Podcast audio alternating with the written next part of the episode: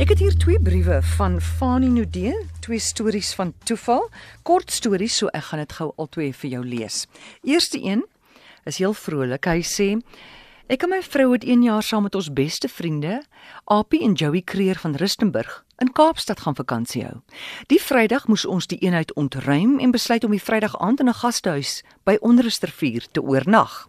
Volgende dag is hulle terug Kaap toe na hulle familie daar en ons pak die pad aan terug Pretoria toe.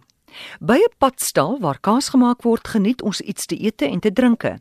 Die bestuurder van hierdie padstal kom groet ons, ons raak aan die gesels en vind uit waar hy vandaan kom. Hy noem toe, hy was vir 'n tyd in Rustenburg.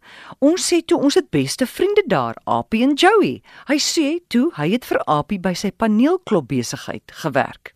Hoe toevallig want ons het 'n paar uur tevore van AP hulle afskeid geneem.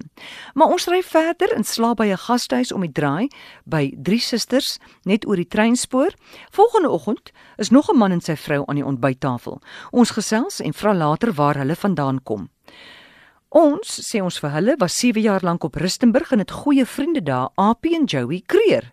Toe sê sy vrou, sy het saam met Joey modelklasse geneem. Ha, hoe toevallig. Op een rit van die Kaap af kry ons twee keer heel vreemde mense wat ook 'n verbintenis met ons beste vriende gehad het. En nou sy storie, tweede storie. Hy sê oom en tannie Joubert was lidmate van my gemeente in Teresa Park, Acacia, Pretoria. Die tannie was deur die jare heen baie sieklik, die laaste jaar of so bedlend. Oom Joubert moes skielik hospitaal toe vir 'n operasie. Tydens my besoek aan hom in die hospitaal, sê hy skielik vir my: "Dominee, ek en die tannie is mos op dieselfde dag dood."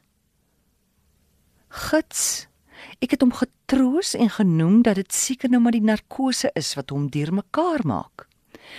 Ek ek sê toe vir hom kyk ontspan want die tannie het goeie sorg by die huis met haar dogter Johanna en 'n huishulp en hy moet hom nie kommer nie. 2 dae later kry ek die nuus dat oom Joubert dood is. Ek kon dit nie glo nie. Hy was dan besig om beter te word. Die oggend van die begrafnis het ek vroeg die tannie besoek en saam met die kinders by haar bed 'n mini roudiens gehou om haar te vertroos. Ons is kerk toe, graf toe en tee en verversings by die kerk sal geniet. Toe die kinders by die huis kom, vind hulle die tannie dood in haar bed. Ek moes vir 'n derde keer daai oggend dieselfde kind vertroos. Kan jy glo?